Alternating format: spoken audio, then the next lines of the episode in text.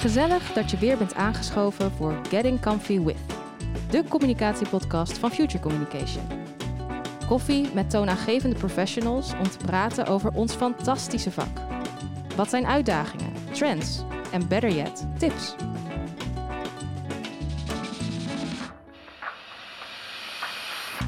Vandaag onderzoeken we de verschillen en overeenkomsten tussen omgevingscommunicatie en interne communicatie. We gaan in gesprek met twee van onze eigen experts over de aanpak voor een, let wel, fictieve casus. Ben je er klaar voor? Ik zit aan tafel met Christel en Judith. Christel, welkom. Dankjewel. Fijn dat ik hier mag uh, aanschuiven. Welkom, heel graag. Wat, wie ben je? Wat doe je? Ik ben uh, Christel van Hemert. Ik ben uh, sinds vijf jaar werkzaam bij Future Communication. Ehm, ik werk voor verschillende opdrachtgevers aan communicatievraagstukken, met name op het gebied van interne communicatie. En daarnaast volg ik een opleiding tot gedragsveranderaar. en heb je die opleiding ook specifiek gekozen omdat je daar in je werk meer mee wil? Ja, je ziet heel veel dat uh, interne communicatievraagstukken eigenlijk ook wel gedragsveranderingsvraagstukken zijn. Hè? Hoe kun je ervoor zorgen dat mensen bepaald gedrag gaan vertonen, uh, zodat ze meegaan bijvoorbeeld in een verandering. Mooi. Judith, wie ben jij? Hoi, ik ben Judith Boekel. Uh, ik ben managing consultant van het omgevingscommunicatieteam. En um, ik word altijd heel erg blij van duurzame maatschappelijke thema's. Dus daar hou ik me vooral graag mee bezig het heel interessant om te zien waar zitten nou weerstanden, waarom doen mensen wat ze doen. Maar ik wil ook heel graag de samenleving een beetje mooier maken. Dus uh, als de samenleving duurzamer kan, dan draag ik daar graag aan bij. En dat is ook heel interessant vanuit ons vakgebied. Zeker, ja. En, en je noemt maatschappelijk relevante dingen. Uh, je hebt ook laatst een boek gepubliceerd samen met je vader. Kun je daar wat meer over vertellen? Ja, dat klopt. Dat is eigenlijk ook een maatschappelijk relevant thema, wat ook nog eens heel erg actueel is. En net 4, 5 mei achter de rug. Uh, het gaat over de oorlog, de onderduiktijd van mijn oma. En mijn vader en ik hebben daar een boek uh, over geschreven om in kaart te brengen van ja, wat is er daar gebeurd in die tijd. Uh, maar ook wat voor effect heeft dat op ons gehad. En ik denk dat dat heel goed is om die verhalen te blijven vertellen. Ook als je ziet dat toch veel jongeren twijfelen over hoe het verleden is geweest of er weinig kennis van hebben. Dat we daar zeker aan bij moeten blijven dragen. Ja, dat is echt enorm relevant. Mooi dat je dat zo ook met je vader samen kon doen. Ja, dat was heel gaaf. Ja. ja. Hey, en wij zijn hier vandaag bij elkaar om een fictieve casus uh, uit te diepen vanuit het perspectief van een omgevingscommunicatieconsultant en een interne communicatieconsultant. En eigenlijk een beetje te onderzoeken uh, wat zijn verschillen, wat zijn overeenkomsten en moet dat verschil er eigenlijk wel wezen tussen die twee richtingen. Nou, mijn naam is Tamar van Steenbergen. Ik ben uh, managing consultant van het content team bij Future Communication. En laat ik eerst even de casus beschrijven.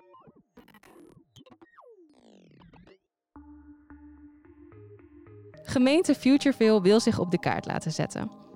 Deze middelgrote gemeente heeft daarom een groot bouwproject gepland om een hypermodern, top-of-the-art, duurzaam tot en met fonkelnieuw winkelcentrum te bouwen. Het project is bedoeld om de economie te stimuleren, bij te dragen aan de duurzaamheidsdoelstellingen van de gemeente, meer werkgelegenheden te creëren en toerisme aan te trekken. Een hele lijst. Een Patrick Egels, wethouder met economie in zijn portefeuille, is voorvechter voor dit vlaggenschip en heeft menig raadsvoorstel eraan besteed om de raad te overtuigen dat dit winkelcentrum Futureville gaat redden. De raad zelf is echter wat terughoudend. Zij vragen zich af of er een dergelijke investering moet plaatsvinden, terwijl er intern een reorganisatie plaatsvindt in verband met financiën. Zij vinden dat er een intern communicatievraagstuk ligt om cultuurverandering teweeg te brengen, voordat de organisatie in staat is dit project te realiseren. Binnen het ambtelijk apparaat is namelijk grote terughoudendheid om open te communiceren en men wil eigenlijk niet in gesprek met de bevolking en de lokale bedrijven. Ook heeft wethouder Egels volgens hen in zijn voorstel nog niet voldoende de externe noodzaak en de nodige communicatie in kaart gebracht. Egels is geen man van het stilzitten en vliegt zowaar twee communicatie-experts in om tot een gedragen strategisch plan te komen. Is dit een duidelijke schets voor jullie? Tot zover. Zeker. Ja, zeker. Mooi. Dan de spelregels, heel kort. Uh, ik ga jullie allebei apart van elkaar 10 minuten interviewen. Dit doen we zodat jullie elkaar niet direct kunnen beïnvloeden met jullie antwoorden. En als jullie alle twee geïnterviewd zijn, dan luisteren jullie elkaars interviews terug. En dan komen we samen en gaan we samen bespreken uh, wat we van elkaars aanpak vinden. We kijken in welke mate er overlap is tussen de interne en de externe communicatie. Waar het botst, wringt en schuurt, maar ook waar het elkaar juist lekker opzoekt en uh, heel dicht bij elkaar komt. Zijn jullie er klaar voor? Zeker. Christel, we beginnen met jou.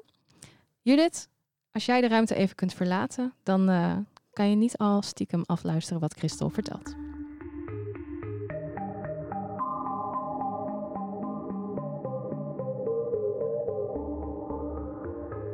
Christel, jij en Judith hebben vooraf de casus kunnen lezen. Uh, voor de luisteraar licht ik het interne communicatievraagstuk nog heel even toe. Uh, de gemeenteambtenaren die zijn verdeeld over het bouwproject. Sommigen zijn enthousiast en geloven dat het een positieve invloed zal hebben op de gemeenschap, terwijl anderen juist bezorgd zijn over de mogelijke impact op het milieu en de infrastructuur. Jij als communicatie-expert moet een manier vinden om die verschillende afdelingen te betrekken bij het project en hen te helpen samen te werken om het project tot een succes te maken. Waar start je en waarom daar? Nou ja, zoals je al aangeeft, uh, er is verdeeldheid hè, onder die ambtenaren. Dat is niet handig om een uh, uh, project te starten. Dus ik zou eerst met de ambtenaren in gesprek gaan, creëren van een duidelijk begrip en bewustzijn creëren. Dat kun je doen door het doel van het project en de voordelen van de gemeenschap duidelijk te maken, te benoemen. maar ook om, door aandacht te besteden aan de zorgen die er, die er zijn. En dit kun je doen door middel van informatieve bijeenkomsten, nieuwsbrieven, intranets. En dat is dan wel het belangrijkst om te beginnen met de afdelingen die het meest kritisch zijn eh, op het project. Om die zorgen en bezwaren op te lossen en de ambtenaren te betrekken bij het proces. Oké, en ik, ik hoor jou verschillende middelen noemen. Is er nog één middel dat er echt voor jou uitspringt? Nou ja, in gesprek gaan is wel het allerbelangrijkste. En de manier waarop je dat uh, doet, dat is ook een beetje afhankelijk van welke communicatiemiddelen er uh, tot je beschikking zijn. Maar het, het, in gesprek gaan en het bevragen van goh, waar zitten de zorgen. Uh, maar ook kijken van goh, uh, de ambtenaren die wel positief zijn, uh, waarom zijn zij positief? En kunnen zij als een soort van peergroep dienen om de rest mee te nemen in die positiviteit? Dat is heel belangrijk. Dus eigenlijk echt betrokkenheid en draagvlak creëren. Ja, en uh, nou ja, zoals ik uh, uh, gisteren toevallig op LinkedIn las, hè, je leest vaak over de KPI's, de kritische prestatieindicatoren. Um, en daar werd benoemd dat dat niet alleen de kritische prestatieindicatoren zijn, maar ook keep people informed. Dat dat eigenlijk de belangrijkste KPI is. En dat geldt eigenlijk voor alles wat je doet. Wanneer is voor jou de opdracht dan succesvol in het geval van Futureville? Als dat grote bouwproject echt van de grond is gekomen en dat, dat winkelcentrum er is. En daarbij ook de eerder heersende twijfels zijn weggenomen. En uh, iedereen, je kan nooit iedereen positief stellen, maar er met name uh, het, het grote eh, gedeelte van de gemeenschap positief is over wat er is gebouwd en hoe de situatie, hoe er met de situaties omgaan. Dat iedereen voldoende is gehoord en uh, ook meegenomen is in het uh, proces. Oké, en eigenlijk dus de algemene consensus is, we zijn enthousiast. Precies. En in, in dit geval, uh, bij deze casus, welke verschillende communicatietheorieën of strategieën komen aan bod waarvan je denkt, hey, die zouden hier echt heel erg effectief zijn? Nou ja, ik zou heel erg uh, kijken naar hoe je uh, mensen echt uh, mee kan nemen in het traject. Dus dat ze echt eigenaarschap en verantwoordelijkheid voelen. dat noem je een participatieve communicatiebenadering. Duur woord. ja, dat is een heel duur woord. en die verschillen, dat de verschillende ideeën en perspectieven van de medewerkers leiden tot de betere oplossingen en beslissingen. En wat, wat je daarvoor zou kunnen gebruiken is ook storytelling. Hè? Dus het ver vertellen van de verhalen uh, die er leven, zodat je verbinding creëert tussen de medewerkers uh, en het project. Waardoor ze het belang ook beter begrijpen uh, en zich er meer betrokken bij voelen. Daarnaast zou ik ook gebruik maken van visuele communicatie, bijvoorbeeld posters, flyers, presentaties, om de boodschap visueel te ondersteunen, zodat mensen ook zien. Daar gaan we naartoe en een beeld hebben bij, nou ja, bij het einddoel, um, zodat, zo mooi gezegd, de blikken dezelfde kant op staan. Ja, en dat is volgens mij ook uh, effectief, effectief bewezen, toch? Dat visuele informatie beter blijft hangen en, en voor meer draagvlak zorgt? Nou, zeker. Het is de combinatie natuurlijk van uh, communicatie die je gebruikt, maar visuele communicatie is daar inderdaad uh, bewezen effectief als uh, ondersteuning. Ja, en het klinkt ook alsof er dus een heel groot gedeelte van het traject echt in de voorbereiding zit. Dus het ophalen van die verhalen, eh, ophalen wat er speelt, zodat je precies daar op de juiste manier op kan, op kan inspelen en de zorgen weg kan nemen. Ja, voorbereidingen, goed begin is het halve werk, uh, Zeker. zeggen ze wel. En het dat leven. geldt voor alles en zeker ook eh, voor dit, is heel erg belangrijk. Want eh, als je van start gaat zonder dat beginstuk eh, goed te hebben eh, eh, gedaan, ja, dan kom je uiteindelijk in je traject, stuit je op problemen en kun je eigenlijk wel weer opnieuw beginnen. Dus eh, zeker dat begintraject is eh, echt, eh, echt heel belangrijk. Dat is de basis van waar je op verder bouwt. Hoe denk jij dat de eh, externe communicatie in dit traject gaat? Eh, nou, ook daar zou ik eh, kijken hoe je de verschillende doelgroepen betrekt bij het project. Ehm, het is dan heel belangrijk hè, om die meerwaarde van zo'n nieuw win- winkelcentrum te benadrukken. Maar ook echt serieus in te gaan op de zorgen en bezwaren die er leven. Echt met mensen in gesprek te gaan. En eh, nou een goede samenwerking met de lokale media- en belangenorganisaties kan je hierbij heel goed eh, helpen. En eh, ook heel belangrijk om te benadrukken dat het nieuwe winkelcentrum duurzaam en toekomstgericht is. En een positieve bijdrage zal leveren aan de lokale economie en werkgelegenheid. Zodat mensen zien van ja, wat, wat, hè, wat is de, het positieve wat het winkelcentrum brengt. Maar dat ze ook gehoord worden, dat eventuele twijfels ook gehoord worden. En dat je daar goed met elkaar over in gesprek kan gaan, zodat iedereen goed gehoord wordt in het hele traject. Oké, mooi. Ik eh, ben heel benieuwd wat eh, Judith eh, hiervan vindt. Ik ook. Dus eh, ik ga jullie vragen om de grote switch te doen. Christel, als jij even naar buiten kunt stappen en aan Judith aan kan geven dat ze bij mij aan tafel mag. Succes Judith.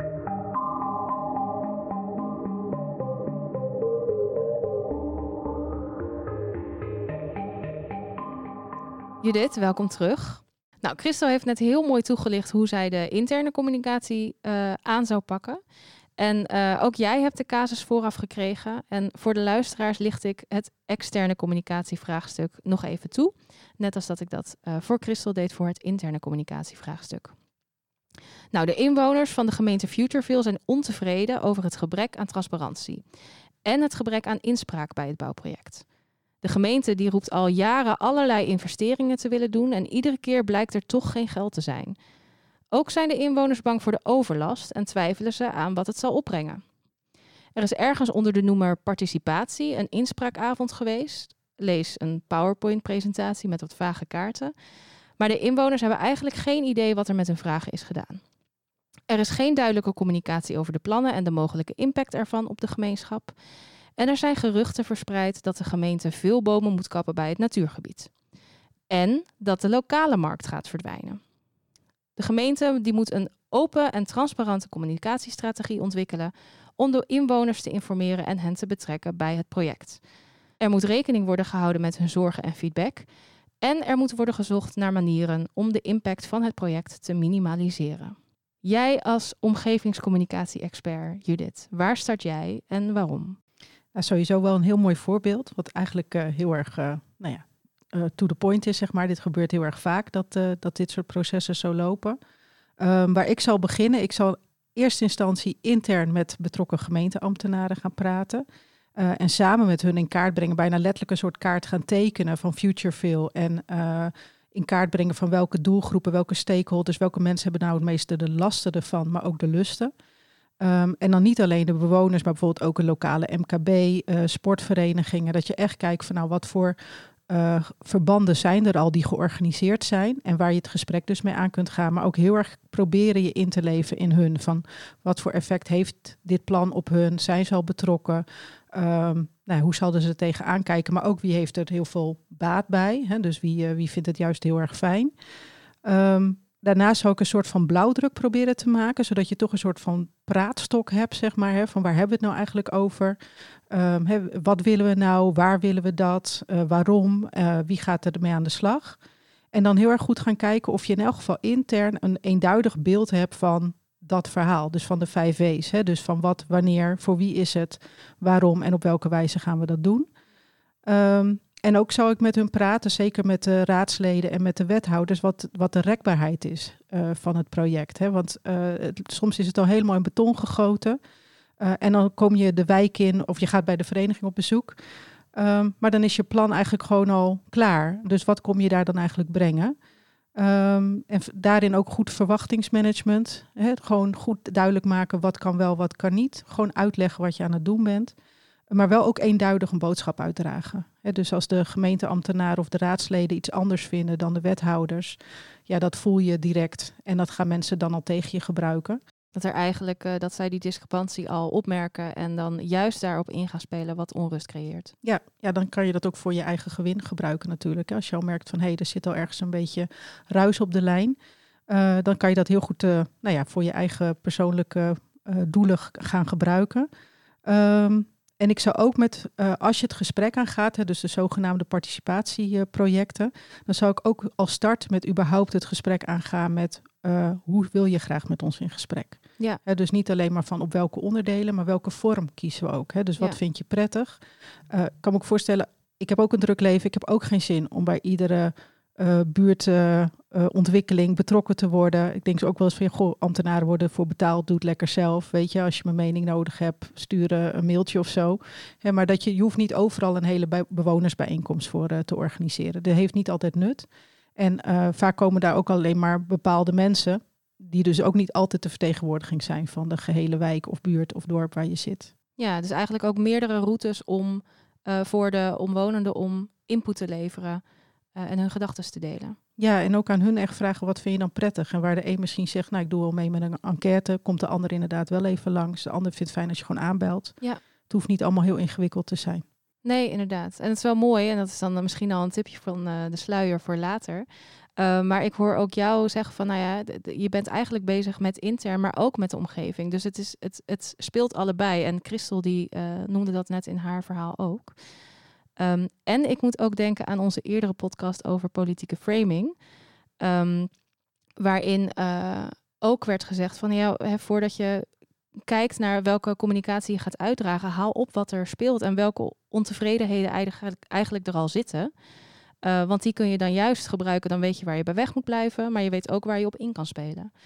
Um, zonder dat het een, een naar politiek spelletje wordt. Ja, klopt. En ik denk ook dat je dat ook gewoon moet benoemen. Ja, uiteindelijk wil je met elkaar, als het goed is, het beste plan op tafel leggen. Ja. En daar eh, noemen we altijd, we willen draagvlak creëren, maar je wil eigenlijk gewoon het beste plan. En het beste plan creëer je samen met, met zowel be ja, en beleidsmakers, met ambtenaren, maar ook mensen die er wonen en leven, die er een, een eigen zaak hebben of wat dan ook. En het lijkt altijd alsof het heel veel tijd gaat kosten. Maar uiteindelijk levert het je gewoon heel veel op aan het eind van de rit. Omdat je het gewoon echt meer samen hebt gedaan. En beter weet ook al wat er misschien aan risico's zijn of aan weerstanden zijn. Ja, en dat is weer dat voorwerk. Wat uh, uh, veel organisaties soms wel eens over willen slaan. Ja, zeker weten. Hey, en wanneer is voor jou de klus succesvol? Ja, dat vind ik altijd een hele lastige vraag. Um, want aan de ene kant denk ik altijd, ik ben heel doelgericht van we moeten de doelen halen. Hè, dus, maar ja, wat is nu eigenlijk precies het doel?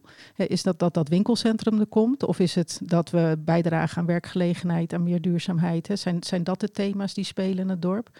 En dan zijn er misschien ook wel andere oplossingen mogelijk. En is niet het winkelcentrum het antwoord op de vraag. Dus hmm. um, ik denk dat het vooral fijn is als je gezamenlijk een goed proces hebt doorlopen. Dat de wethouder uiteraard tevreden is en ergens een lintje heeft geknipt, is ook altijd prettig. Ja. Uh, maar ik denk dat, het, uh, dat vooral de doelen die er echt achter liggen, als die zijn bereikt. En dat hoeft dus niet per se het winkelcentrum te zijn.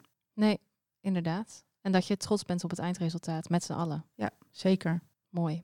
In dit, uh, in dit specifieke verhaal bij Futureville, welke communicatietheorieën en strategieën zou jij gebruiken en waarom? Ik zou vooral wel heel erg veel inzetten op analysemethodieken. Hè, dus, en dat hoeft allemaal niet zo heel erg letterlijk, maar wel gewoon goed je stakeholders in kaart brengen. Uh, maar ook uh, SWOT-analyses, sterkte-zwakte-analyses. Gewoon kijken waar liggen de risico's.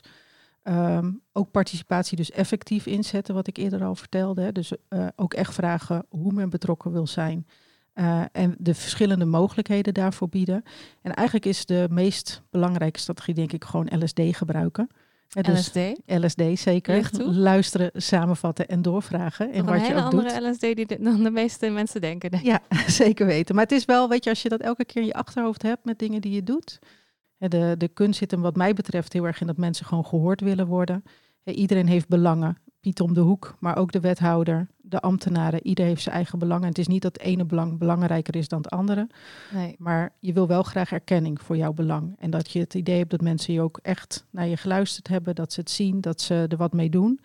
Ehm, en uiteindelijk kan je op die manier ook samen, hè, als je elkaars belangen uh, ziet en daar oog voor hebt, op waarde schat en samenbrengt, ja, dan krijg je een geheel verhaal, een compleet verhaal. Ja, exact. Ja, eigenlijk gewoon uh, het leven one-on-one. Want dat, dat doorvragen, luisteren, samenvatten en doorvragen, dat is niet alleen in dit soort grote communicatietrajecten van belang, maar ook gewoon in je dagelijkse interactie met je medemens. Ja, klopt. Dat zouden we best wel wat meer mogen doen. Zeker, Ik denk dat het dan een stuk gezelliger zal worden.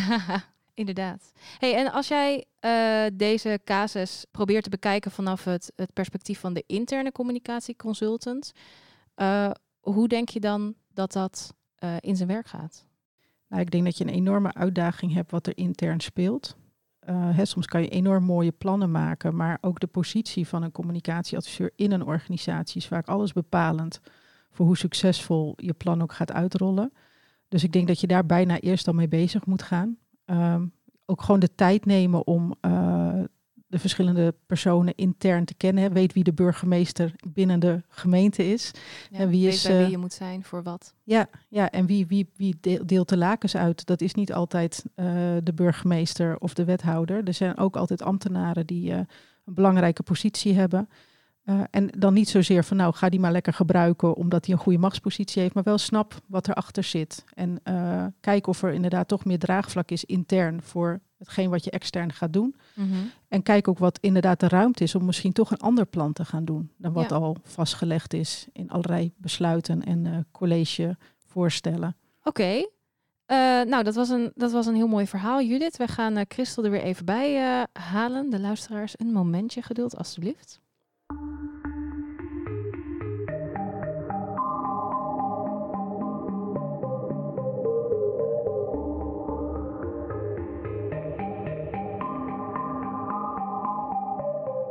Nou, Judith en Christel, jullie hebben net allebei uh, mooie verhalen op tafel gelegd en ook, ook elkaars antwoorden geluisterd. Um, wat viel jullie op?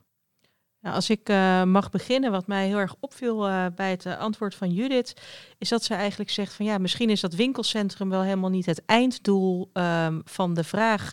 Hè, de gemeente wil zich op de kaart zetten, um, meer werkgelegenheid creëren. Is een winkelcentrum wel het einddoel, het beoogde einddoel? En zou dat ook niet iets anders uh, kunnen zijn?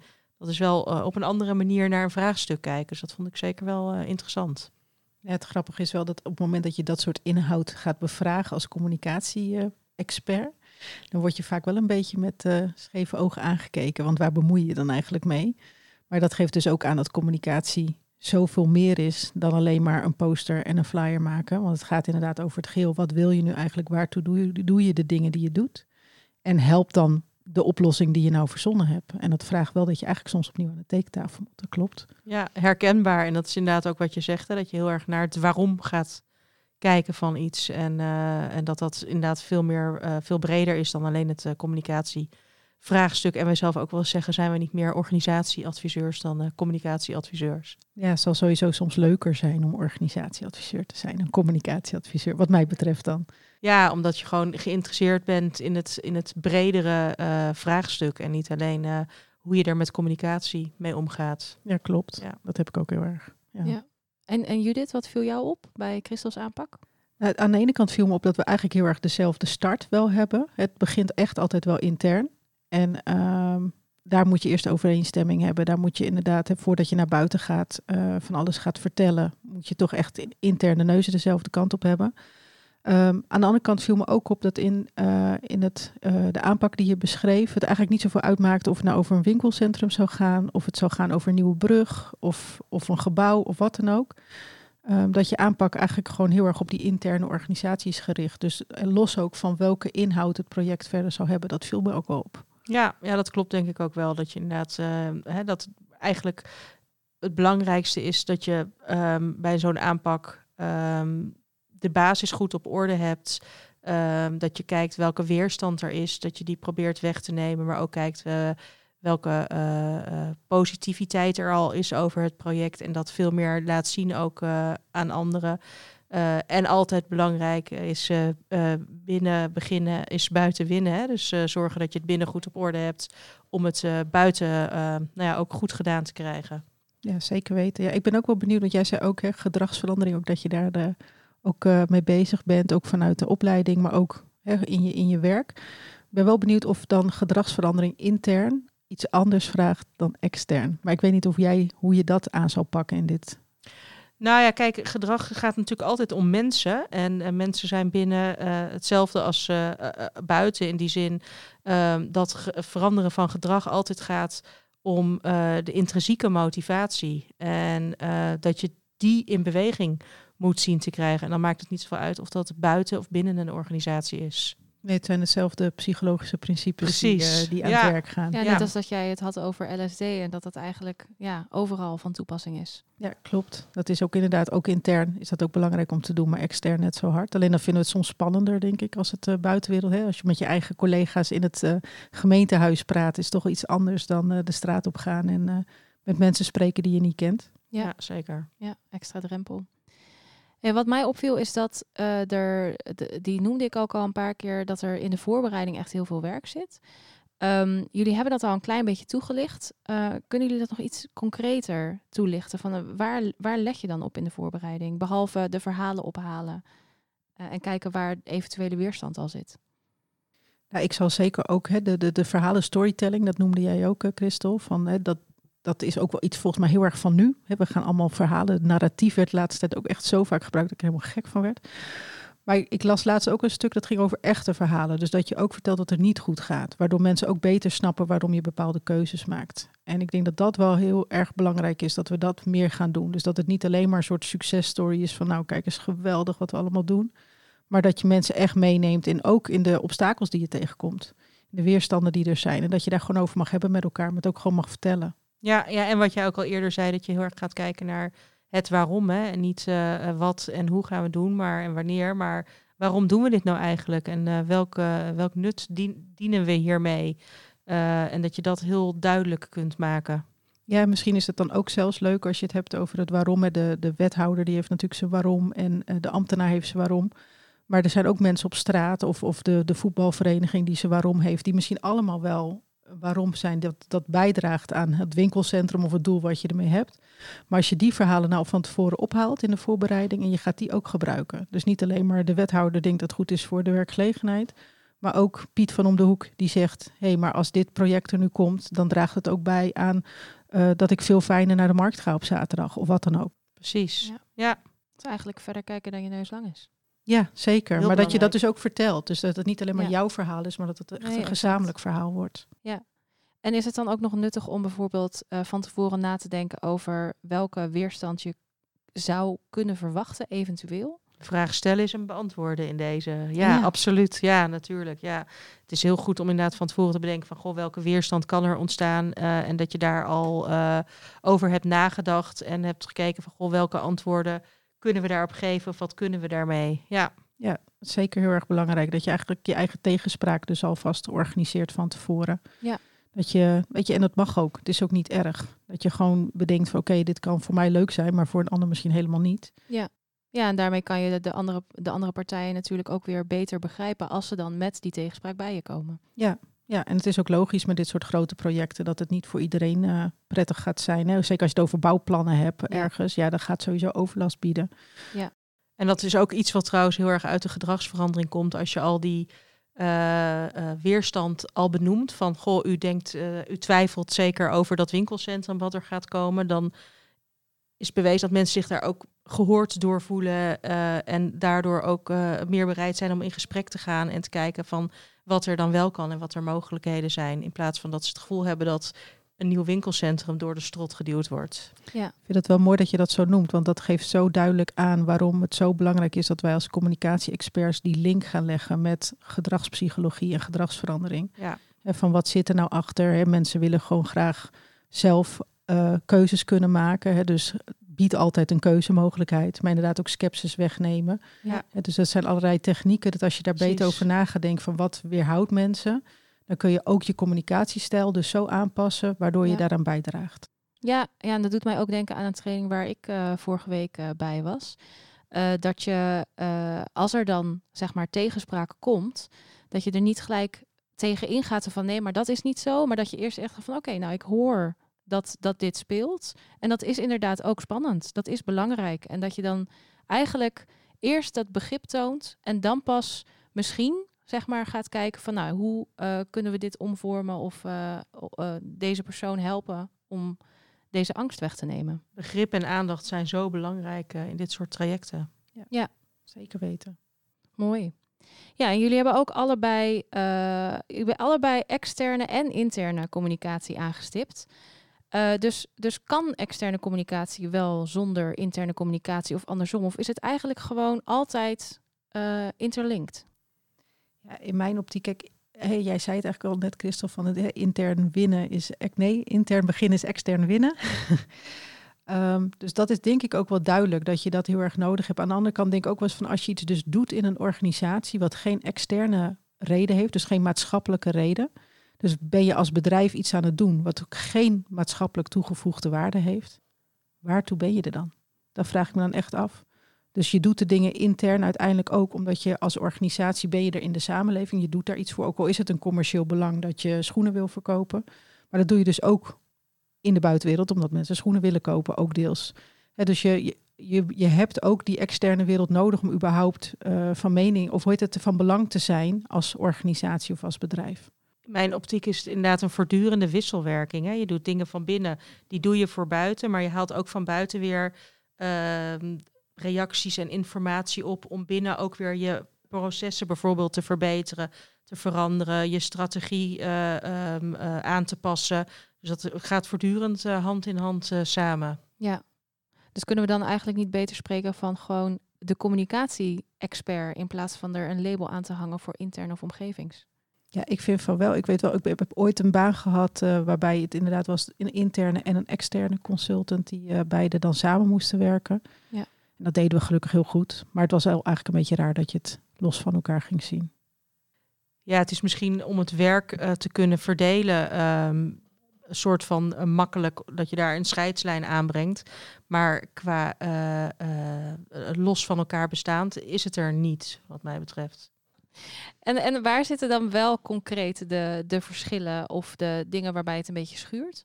Nou ja, het, het ligt soms misschien aan de opdracht, hè, dus de inhoud van de opdracht. Uh, binnen een organisatie kan je soms echt voor de implementatie van bepaalde ICT-applicaties of wat dan ook, hè, dan kan je echt een heel traject uh, hebben om de communicatie te begeleiden. Dat zul je extern niet zo snel hebben. Dat gaat echt wel meer over uh, omgeving betrekken, ehm, ja, meer campagneachtige dingen soms ook. Uh, dat gaat echt over maatschappelijke thema's die dan spelen. Je wilt, iets, je wilt iets van mensen, een verandering in hun gedrag. Maar goed, dat wil je ook intern in een organisatie. Wil je mensen helpen om bijvoorbeeld bepaalde applicaties beter te kunnen toepassen. Maar ja, misschien in basis dat heel veel ook wel hetzelfde is hoor. Nou ja, wat je zegt, dat triggert mij wel. Inderdaad, de opdracht uh, waar ik nu uh, van start ga, die gaat inderdaad echt heel erg over het invoeren van een aantal systemen um, het uh, op een andere manier samenwerken. Dat heeft minder met de buitenwereld te maken. Dus dat is inderdaad wel echt heel erg uh, opdrachtafhankelijk. Ja, en wat misschien dan wel heel erg verschillend is, is dat als je intern in een organisatie uh, dus een verandering wil, die, daar is wel een bepaalde cultuur die meer misschien homogeen is dan in de buitenwereld. Dus in de buitenwereld, op het moment dat je extern iets moet gaan communiceren, A, je kent elkaar meestal niet. Hè. In, in een organisatie is het makkelijker. Je kunt ook makkelijker zeggen, oké, mail to all. Daar hebben we iedereen bereikt, bij wijze van. Terwijl extern, weet je, die heb je die garanties niet. Moet je echt gaan zoeken, moet je echt meer tijd besteden aan, aan elkaar met het gesprek aangaan. Maar ook in alle belangen die er spelen, is toch anders. Want in een organisatie heb je al een soort gezamenlijk belang. Dat hoeft er niet te zijn op het moment dat jij een, uh, een project in de buitenwereld start. En tegelijkertijd heb je ook weer, als je dan intern zo'n cultuurverandering wil realiseren, dat dat ook effect heeft later op wat, het, wat je bedrijf daar extern mee bereikt. Want als intern er tevredenheid is en, en begrip en uh, draagvlak, dan dat straal je als bedrijf ook uit. Ja, en dat vertel je ook op de verjaardagsvisite. Dan vertel je trots over het bedrijf waar je werkt en hoe mooi je dat vindt. Ja. Maar je kunt ook inderdaad iets heel negatiefs neerzetten op de verjaardagsvisite. Ja. ja. Uiteindelijk heeft het natuurlijk eigenlijk altijd dus wel het doel om het uh, uh, voor een klant of de buitenwereld uh, beter of anders uh, te maken. Bijvoorbeeld in het geval uh, van mijn opdrachtgever. Um, om te zorgen dat het product sneller op de markt is, bijvoorbeeld. Ja. Hè? En dat je daarvoor intern processen voor aanpast. Nou, ik vind, het, ik vind het een mooie vergelijking zo. Ehm, en dan rest mij eigenlijk de vraag: wat zijn jullie tips voor de communicatie-experts binnen Future Communication, maar ook zeker daarbuiten? Als we vier concrete tips mogen geven over hoe we uh, communicatietrajecten aan kunnen pakken. Ik zou in elk geval altijd je tijd nemen voor de gesprekken dus. Dus gewoon de tijd nemen voor de analysefase. En uh, misschien ook zelfs de tijd nemen om dus te zorgen dat je de tijd krijgt. Ja. En, de, en de waartoe vraag blijven stellen. Misschien niet altijd waarom, maar wel waartoe. Dat mhm. dat ook belangrijk is. Waarom is soms ook aanvallend. Waartoe is meer echt nadenken. Waarvoor doen we dit nu eigenlijk? Ja. En de tweede tip is um, probeer je in te beelden in de doelgroep. Stel dat je zelf die persoon in de straat bent waar dat winkelcentrum komt. Stel dat je zelf uh, die winkel-eigenaar uh, bent. Stel dat je zelf de wethouder bent. Wat zou je dan graag willen? Hoe zou je dan willen dat er naar je geluisterd werd? Of dat je verhaal mocht doen? Of dat het aangepakt werd? Soms heel simpel eigenlijk. Ja, ja, ik, uh, nou, hele mooie tips. Um, ik zou zelf er nog aan willen toevoegen, hè, wat ik al eerder zei, die KPI, Keep People Informed. Uh, betrek ze uh, bij je proces. Um, ook als er misschien even geen nieuwe informatie is, dan, is er ook, dan kun je dat ook vertellen. Maar dan zorg je wel voor dat mensen voortdurend op de hoogte zijn van wat er speelt. Um, en ik denk dat het heel belangrijk is om, um, nou ja, om um, samen met elkaar zaken op te pakken. Dus uh, niet in je eentje te gaan worstelen, maar nou ja, de verschillende mensen uit de organisatie te betrekken bij jouw vraagstuk. En uh, ja, eigenlijk in, in, in werkgroepvorm tot het beste eindresultaat te komen. Daar, daar kunnen we wel wat mee. Nou, zo te horen uh, is er zeker een future for Futureville. zeker met jullie als communicatie-experts aan het roer. Um, mag ik jullie hartelijk danken voor jullie uh, aanwezigheid en mooie verhalen en tips. Graag gedaan. Ook heel graag gedaan. It's a wrap. De koffie mag dan op zijn, maar de koek nog lang niet. Leuk dat je luisterde. Wil je meer horen van de communicatiepodcast van Nederland? Onze website staat vol met interessante gesprekken met professionals. Neem gerust een kijkje op futurecommunication.nl/slash podcast of zoek ons direct op via de bekende podcastkanalen. En ben jij of ken jij iemand met wie we in gesprek moeten over ons vak? Neem dan contact op met ons via futurecommunication.nl of onze socials. Dan maken we een koffieafspraak. Bedankt voor je aandacht en tot de volgende keer.